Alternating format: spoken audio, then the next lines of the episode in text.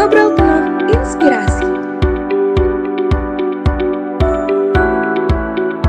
Karir di perbankan, persiapan, kesempatan, dan strategi. Halo Sobat Ngulik, selamat sore.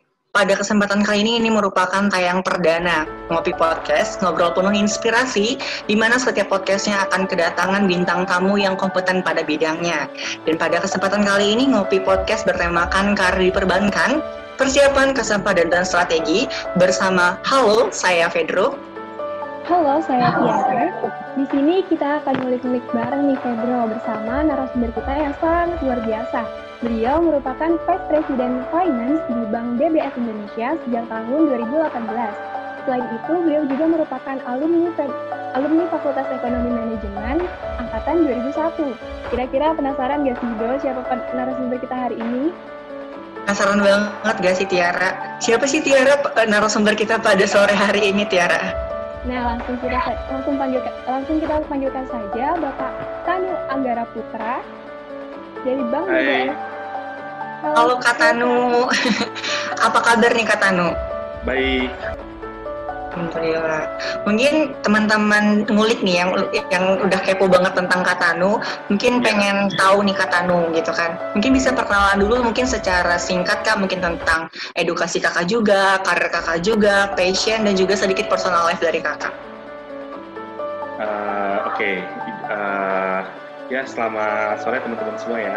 Uh, Oke, okay. uh, saya Tanu di manajemen firm itu angkatan 38 atau angkatan kedua ya mungkin buat teman-teman tuh angkatan jebot anggapnya ya karena kita udah belasan tahun lulus uh, dari tahun 2005 berarti sudah uh, 15 tahun lulus dari uh, manajemen FM. Oke, okay. Uh, sedikit aja mungkin saya awalnya karir itu bukan di bank tapi di ban pabrik Goodyear uh, di Bogor. Uh, itu selama dua tahun pada saat itu saya uh, material kontrol uh, departemen kerjanya sebagai material analis. Nah, uh, kenapa saya sebutnya jadi bujir itu sebenarnya nggak uh, jauh dari karena pada saat itu saya penelitiannya di bujir yaitu mengenai cost accounting terhadap uh, raw material uh, analisis uh, optimisasi persediaan bahan baku yang saya ambil atau di uh, kampus itu jurusannya MPO ya zaman saya dulu manajemen produksi dan operasi kalau nggak salah ya. Nah kemudian saya ditawarin oleh di tempat saya kerja tersebut sama manajernya untuk join setelah saya lulus jadi saya sebenarnya nggak sempat apply ke mana-mana. Begitu lulus uh, wisuda langsung uh, join ke uh, PT Gugir di sana dua tahun ya, ya kemudian barulah dimulai uh, petualangan saya bekerja di uh, bank. Pertama dari HSBC saya di sana 4 tahun. Kemudian saya pindah ke bank cukup lama 7 tahun. Uh, pindah ke Commonwealth Bank 2 tahun dan sekarang ini terakhir di BPS 2 tahun. Uh, jadi kebetulan uh, tempat bank yang saya kerja itu semuanya foreign bank bukan semua. Oke Pak, ngomongin dunia perbankan nih Pak, uh, boleh dong Kak ceritain bagaimana dinamika berkarir nih Kak di dunia perbankan menurut versi Kakak? Karena saya baru punya pengalaman dua sebenarnya dari sisi industri, yaitu di manufacture sama di banking. Memang kalau saya bandingkan, perbankan itu uh, punya dimensi yang sangat kompleks ya. Uh, maksudnya dari sisi produk, dari sisi proses, uh, banyak uh, kompleksitas yang pada saat uh, itu saya nilai tidak ada di industri manufaktur ya dari sisi apa uh, customernya juga segmentasi dan sebagainya. Sementara kalau mengenai masalah dinamika karir itu yang saya jalanin alhamdulillah sih kalau saya lancar-lancar aja ya. Kebetulan kalau saya karirnya nggak uh, program seperti manajemen trainee, manajemen associate atau apa saya masuk bank itu benar-benar from zero uh, level yang paling bawah waktu itu saya sebagai uh, relationship officer yang tugasnya itu adalah kurang lebih dari sisi uh, bisnis atau sales untuk uh, consumer finance pada saat itu. Dan uh, kemudian saya sempat uh, dirotasi, uh, dipromosi untuk uh, pegang uh, berbagai macam uh, area seperti sebagai credit analis, kemudian sebagai business finance, kemudian uh, di strategic development, uh, sampai uh, pindah saat ini di uh, uh, business performance management.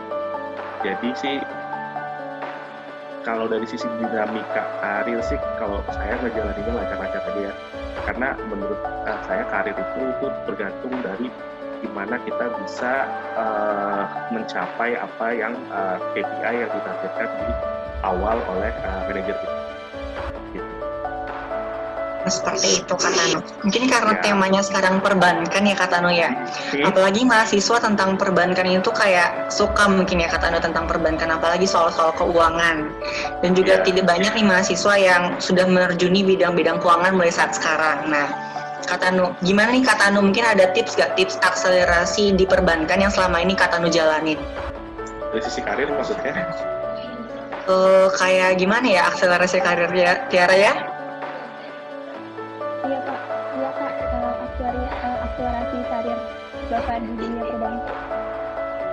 Oke, balik lagi sih, uh, uh, balik lagi ke yang tadi ya. Sebenarnya masalah akselerasi atau percepatan karir itu, kalau saya sih nganggapnya santai-santai aja ya. Maksudnya nggak uh, kita nggak perlu terlalu apa yang bikin jadi ngotot, jadi stres atau jadi kayak gimana. Karir itu enjoy aja dinikmatin. Karena setiap fasenya itu ada knowledge atau ada experience yang bisa kita dapetin jadi sebenarnya kalau saya lihat di industri itu macam-macam ya tipikalnya. Pada akhirnya mereka nanti semua mungkin jadi uh, leader yang baik, leader leader yang oke, okay, punya karir yang cemerlang. Cuman ada macam-macam uh, uh, apa dari sisi waktu itu pencapaiannya. Ada yang sebentar, ada yang lumayan agak lama, ada yang lama juga. Tapi uh, itu semua sebenarnya Eh, nggak uh, cuma bergantung pada diri sendiri tapi kadang-kadang juga bergantung dari bidang pekerjaan dan environment uh, di company atau di bagian uh, tersebut. Cuman kalau bagi saya yang paling penting adalah yang pertama mencapai apa yang uh, di uh, apa ditargetkan atau di assign untuk di uh, accomplish atau dicapai uh, dari uh, manajer kita atau dari perusahaan. Kemudian coba berpikir untuk melakukan hal-hal yang uh, misalkan selama ini tuh uh, uh, sudah uh, di apa dianggap apa yang standar-standar aja biasa-biasa aja coba making improvement uh, dalam hal misalkan uh, apa pun bidang pekerjaan yang uh, apa pun bidang teman-teman di perbankan nanti gitu coba bikin something improvement dan itu disori ke manajemen nah kebetulan uh, karir saya itu sebenarnya secara akselerasi itu lebih banyak di uh, bank Citibank. Nah di situ kebetulan bank tersebut itu mempunyai uh, manajemen pengukuran kinerja dan juga karir yang sangat baik. Jadi any improvement, any uh, hard work, any uh, uh, effort lebih yang kita capai uh, itu di luar dari apa yang ditetapkan itu sangat dihargai sama company-nya dan bisa mengakselerasi karir. Nah, gitu kurang lebih ya. Nah, iya Pak, benar banget. Berarti kita tuh harus benar-benar harus beda gitu ya dari sebelum-sebelumnya, dari target-target kita sebelumnya gitu. Jadi kita harus benar-benar mengupgrade diri kita sendiri untuk bisa lebih baik dari sebelumnya.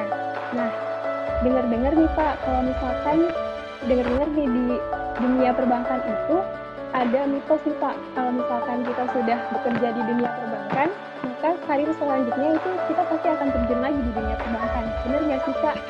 Mitos itu? Uh, ya sebenarnya sih bukan mitos ya, sebenarnya itu lebih ke arah uniqueness atau keunikan dari suatu industri. Jadi uh, sebenarnya bukan cuma di perbankan ya. Maksudnya kalau saya ngelihat teman-teman saya ada yang bekerja kayak di manufacture gitu ya di di di, di, di manufacture di ban gitu ya ban mobil itu karirnya kaki kucir pindah ke Bridgestone pindah ke uh, misalkan Lang Perdana.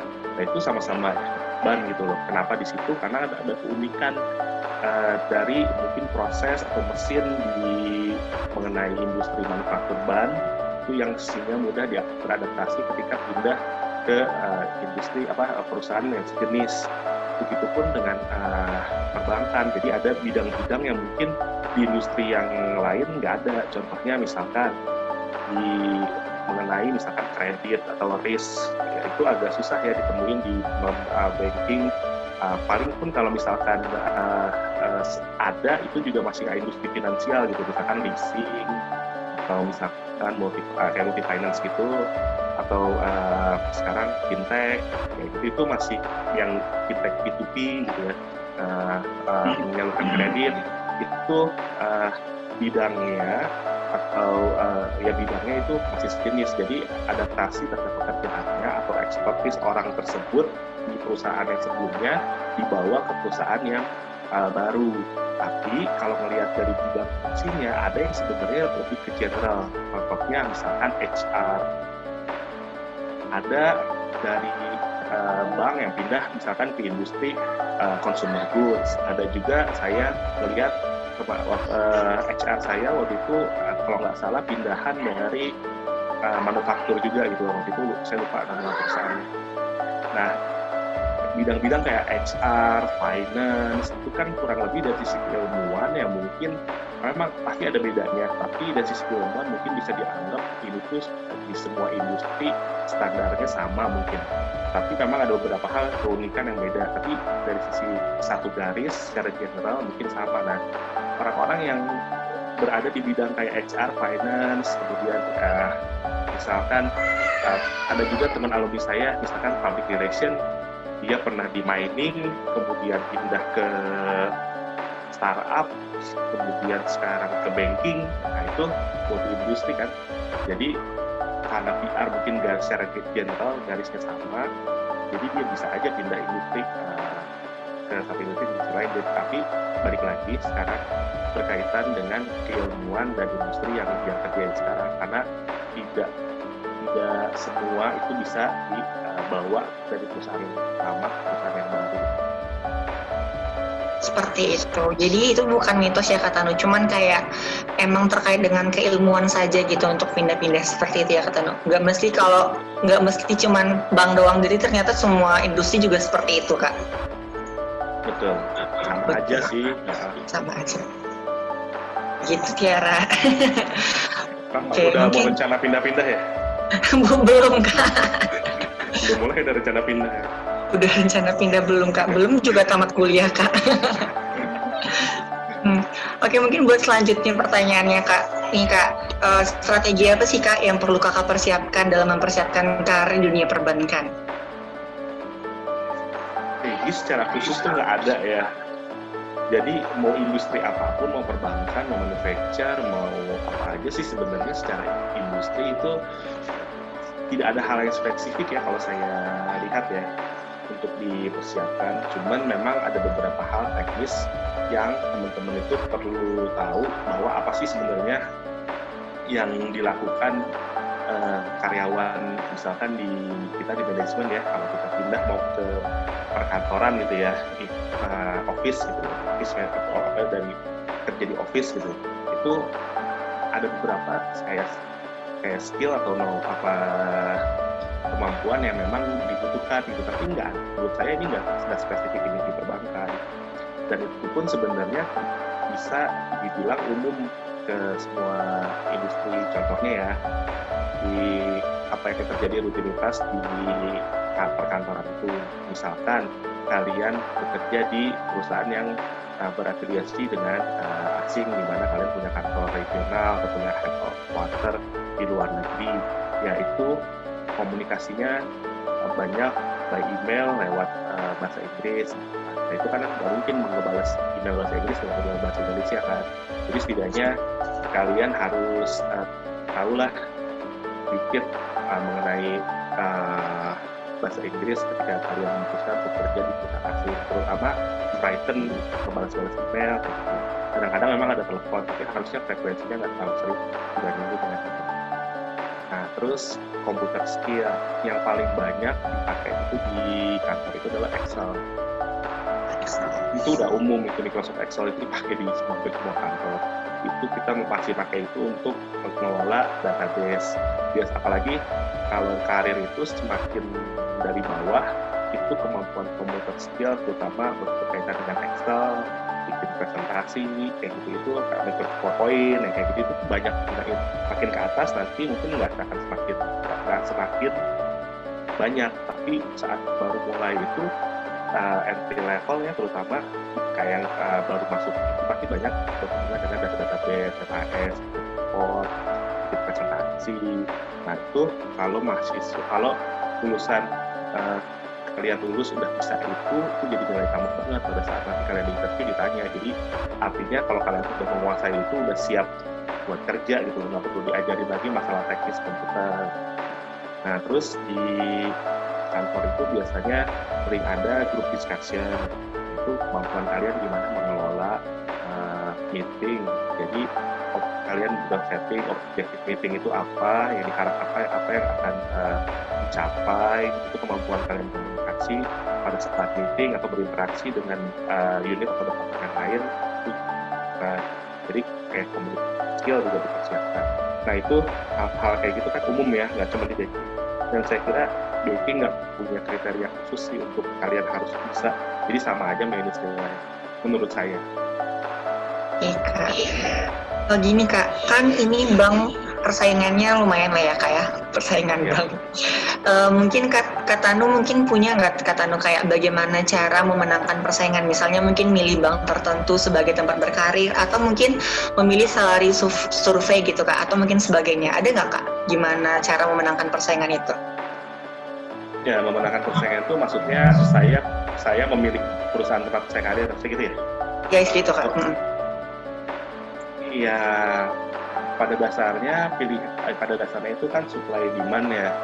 Jadi Supply kalau uh, uh, jadi kalau sebenarnya uh, dalam dua hal sih ada dua hal sih dari sisi pertama dari sisi demand itu pasti uh, kompetisi uh, misalkan kalian sudah berkarir dan sudah uh, beberapa tahun dan punya expertise gitu ya di bidang tertentu itu di bank lain juga yang punya posisi seperti kalian kan pasti ada juga ya. Nah, experience kalian, apa yang kalian tawarin, pengalaman yang kalian bawa, dan apa yang kalian bisa lakukan di perusahaan tempat yang baru, itu ah, penting banget untuk kalian punya posisi tawar di perusahaan. Dan di sisi lain juga perusahaan itu juga nggak gampang cari talent. Dia cari talent yang benar-benar bagus, cocok dengan budaya, cocok dengan standar perusahaan, juga itu nyarinya nggak nggak gampang. Makanya kalau nggak salah di perbankan itu senang dengan yang namanya referensi.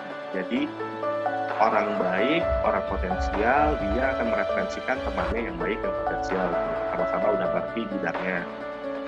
Nah untuk nah penawaran itu datang ke kita eh, dalam periode waktu ya, ada aja yang datang ke kita eh, tawaran. Dan kita perlu melihat yang pertama dari sisi perusahaannya sendiri itu perusahaannya seperti apa? Apakah perusahaannya itu sedang growing? Apakah lagi lagi ngerem? Kan, lagi pertumbuhannya? Ah, atau perusahaan sedang krisis? Nah itu kita harus tahu juga di awal sehingga nanti kurang lebih kondisinya itu akan beda. Perusahaan-perusahaan yang sedang mengalami situasi tertentu. Dan di sisi lain juga benefit antar bank antar perusahaan itu juga beda-beda dan kita harus uh, lihat yang kita cari kan pasti yang terbaik ya. Nah itu semuanya ada kalkulasinya. Mungkin ada ada company yang dari sisi income nawarin lebih baik tapi dari sisi benefitnya kurang. Nah itu di apakah itu bisa dikompensasi atau enggak? Nah itu jadi faktor-faktor pertimbangan kita kita memutuskan apakah uh, menerima tawaran dari kita Jadi seperti itu ya Pak, strategi yang harus kita tahu gitu ya. Eh, kalau eh, kalau ingin terjun di dunia perbankan. Nah, mungkin ini yang terakhir nih Pak. Yang yang terakhir nih Kak. Eh, boleh minta eh, boleh minta tipsnya nggak Kak untuk kita nih khususnya untuk mahasiswa dan fresh graduate atau yang berminat nih turun di dunia perbankan bagaimana sih berkarir di dunia perbankan dan bagaimana persaingan di dalamnya tips buat kita nih Kak. Oke, eh, jadi sebenarnya tipsnya seperti tadi udah saya saya saya bilang ya, eh, nggak perlu yang aneh-aneh sih sebenarnya tapi kalau kalian punya nilai tambah ketika kalian ingin masuk ke dunia kerja ya pengetahuan-pengetahuan yang beneran dibutuhkan di dunia kerja seperti tentunya kemampuan bahasa, kemampuan komputer, sama kemampuan komunikasi itu uh, sudah ada basicnya lah. Kalian nggak dituntut expert karena kan kalian juga baru lulus ya baru fresh jadi nggak akan dibutuhkan karena tapi kalau udah punya basicnya itu ada nilai lebih yang kalian punya. Nah selanjutnya untuk industri perbankan itu saya bilang kompleksitinya lumayan tinggi. Dan kompleksitas produknya dari sisi dinamikanya segala macam. Jadi buat saya sih itu menarik ya. Karena saya yang udah dari tahun 2007 udah 13 tahun aja karir bahkan itu belum belum bisa dibilang belum menguasai semua uh, knowledge yang ada gitu. Itu setengahnya tuh jadi memang di industri itu uh, punya uh, knowledge knowledge atau uh, uh, uh, challenge yang berguna buat secara personal saya buat growing gitu. Uh, jadi kalau misalkan emang kalian memutuskan buat uh, bahkan ya kalian akan nanti akan menemukan dinamika itu kompleksitas itu yang mungkin tidak ada di industri yang lain. Tapi ya balik lagi sih ke teman-teman uh, menurut uh, saya itu balik ke terkait dengan passion masing-masing ya. Karena yang mau dicari itu ketika bekerja itu apa apa aja sih gitu loh? Apakah meter bidangnya? Apakah yang lebih meter itu adalah di mana perusahaan itu nge karyawannya? Uh, karena menurut saya uh, itu nggak nggak standar nggak semua nggak semua uh, sama lebih baik pelajarin dulu aja. Uh, industri semua industri yang kalian uh, uh, yang kalian mau uh, apa uh, launch karir uh, pertama kalian nah dari, dari situ uh, kalau misalkan memang yang pilihannya pertahanan ya ada challenge yang bisa nge-growing kalian punya uh, personal knowledge and skill. Itu yang mungkin nggak semua industri ada. Gitu tapi kak ini untuk uh, apa sebagai mahasiswa apakah perlu kita harus ada pelatihan gitu kak? Atau mungkin harus punya sertif-sertif ini untuk bisa masuk bank gitu apa gimana kak? Sebenarnya sih enggak ya, nggak ada nggak ada hal seperti itu. Cuman yang kalian perlu tahu itu adalah yang paling penting ya, eh, bank itu membuka rekrutmen itu, membuka karir itu dari jalur apa aja itu yang kalian perlu tahu. Karena bank itu banyak. Dan ketika dia meng-hire orang itu dengan berbagai macam jalur. Ya jadi jangan uh, jangan sampai uh, apa yang kalian uh, mau gitu ya. Misalkan kalian mau saya mau di program manajerial. Saya mau manajemen training tapi kalian nggak tahu bahwa bank itu uh, dia punya pos dia punya rekruternya ada di mana gitu. Kalau kalian ngeliat orang mungkin nggak ada gitu. Jadi kalian harus masuk ke websitenya misalkan kayak gitu. Nah itu jalur-jalur seperti itu yang harus kalian pahamin karena tiap bank strategi rekrutmennya beda-beda. Bener banget sih kak. Aku setuju banget sih kak sama misalkan kita tuh harus menguasai dasar-dasarnya seperti kayak bahasa Inggris ataupun software-software terkait Excel, Word gitu-gitu. Itu pasti sangat membantu ya kak kalau misalkan kita emang udah tahu dasar-dasarnya nanti di dunia ya. pekerjaan gitu. Ya betul. Nggak cuma bank ya semua. Ya. kayak gitu sih kak. Ya nah mungkin uh, kita sudah dapat menarik kesimpulan nih dok.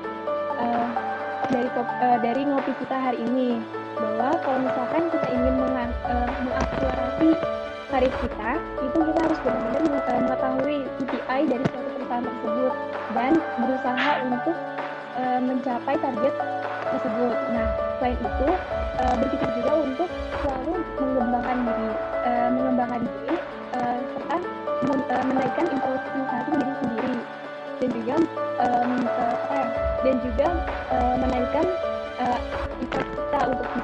mendapatkan hasil yang terbaik gitu ya. Bener banget Tiara, karena tadi yang sudah Kak Tanu bilang, sebenarnya bank itu dengan industri yang lain itu tidak jauh berbeda. Karena persiapan kita untuk memasuki dunia pekerjaan itu sama, kayak persiapan bahasanya, persiapan, semua persiapan itu maupun di industri satu dengan industri yang satunya lagi itu sebenarnya sama. Jadi di mana pun kita berada, di mana pun kita ditempatkan, itu tergantung dengan minat kita tadi yang seperti yang Kak Tanu bilang. Kalau emang kita minatnya di bank, ya toko di bidang perbankan seperti yang Kak Tanu bilang kayak gitu. Nah mungkin Kak Tanu ini kita sudah masuk segmen terakhir Kak Tanu. Terima kasih banyak Kak Tanu sudah meluangkan waktu dan Ya. juga mungkin mengganggu ya Kak Tanu ya waktunya Ya, seperti itu. terima kasih banyak ya sama-sama. Makasih juga Kak Tanu ilmu yang udah Oke. banyak Kak Tanu kasih hari ini. Mungkin waktunya nggak lama tapi bermanfaat banget buat kita mahasiswa yang ingin terjun di dunia perbankan apalagi gitu Kak Tanu. Ya, mudah-mudahan bermanfaat ya. Amin Ambil yang baiknya aja. Iya siap Kak Tanu. Eh, jadi Fedro tuh pernah dengar Tiara dari ya Tiara pernah dengar nih Tiara dari Sebelum- sebelum Pedro menutup atau mungkin kita bisa tahu nih closing statement dari Kak Tanu untuk kita semua nih khususnya untuk mahasiswa atau fresh graduate gitu closing statement Kak Tanu. untuk kita nih. S- eh, gini, jadi eh, jang- eh, jangan khawatir ya, maksudnya untuk em, apa yang akan terjadi di depan, tapi juga jangan lengah untuk mempersiapkan diri dengan baik, karena sesuatu hal yang baik itu butuh persiapan yang baik, tapi itu nggak bikin kalian jadi stres, kasih going aja, jalanin aja dengan sebaik-baiknya. Percaya aja kalau kalian berusaha dengan sungguh-sungguh, insya Allah hasilnya juga akan baik. Dan Tiara persiapkan saja dengan sungguh-sungguh pasti dapat hasil yang terbaik. Berhubung dengan kata persiapan nih Kak Tanu, ada kata Ya. dari Albert Albert Hubbard di mana dia ngomong persiapan terbaik agar bisa kita mendapatkan eh, mendapatkan hasil yang baik dengan untuk esok hari adalah bekerja yang baik untuk hari ini. Dan juga itu kata Pele, eh, dia mengomongkan bahwasanya sukses bukanlah kebetulan, tapi ya terbentuk dari kerja keras, ketekunan, pengorbanan, dan juga yang paling penting adalah cinta dengan apa yang kita lakukan, kata Nuk. Setuju. Setuju banget kata Nuk. Mungkin kata Nuk karena kita udah masuk di segmen terakhir, buat teman-teman ngulik semuanya, selamat sore juga dan terima kasih banyak kata Nuk. Eh, jangan lupa tet- tetap saksikan podcast kita ngopi podcast ngobrol penuh inspirasi untuk episode-episode selanjutnya. Tentu dengan pembicara-pembicara yang hebat seperti kata Anu juga. Dan untuk itu saya Pedro dan saya pamit undur diri sampai jumpa di podcast selanjutnya. Selamat Hari Kemerdekaan ya, Merdeka. Siap kata Anu merdeka. Terima kasih untuk Sobat Ngulik yang udah ngedengerin Ngopi Podcast kali ini. Dan jangan lupa untuk tetap stay tune di Ngobrol Penuh Inspirasi selanjutnya. Bye-bye!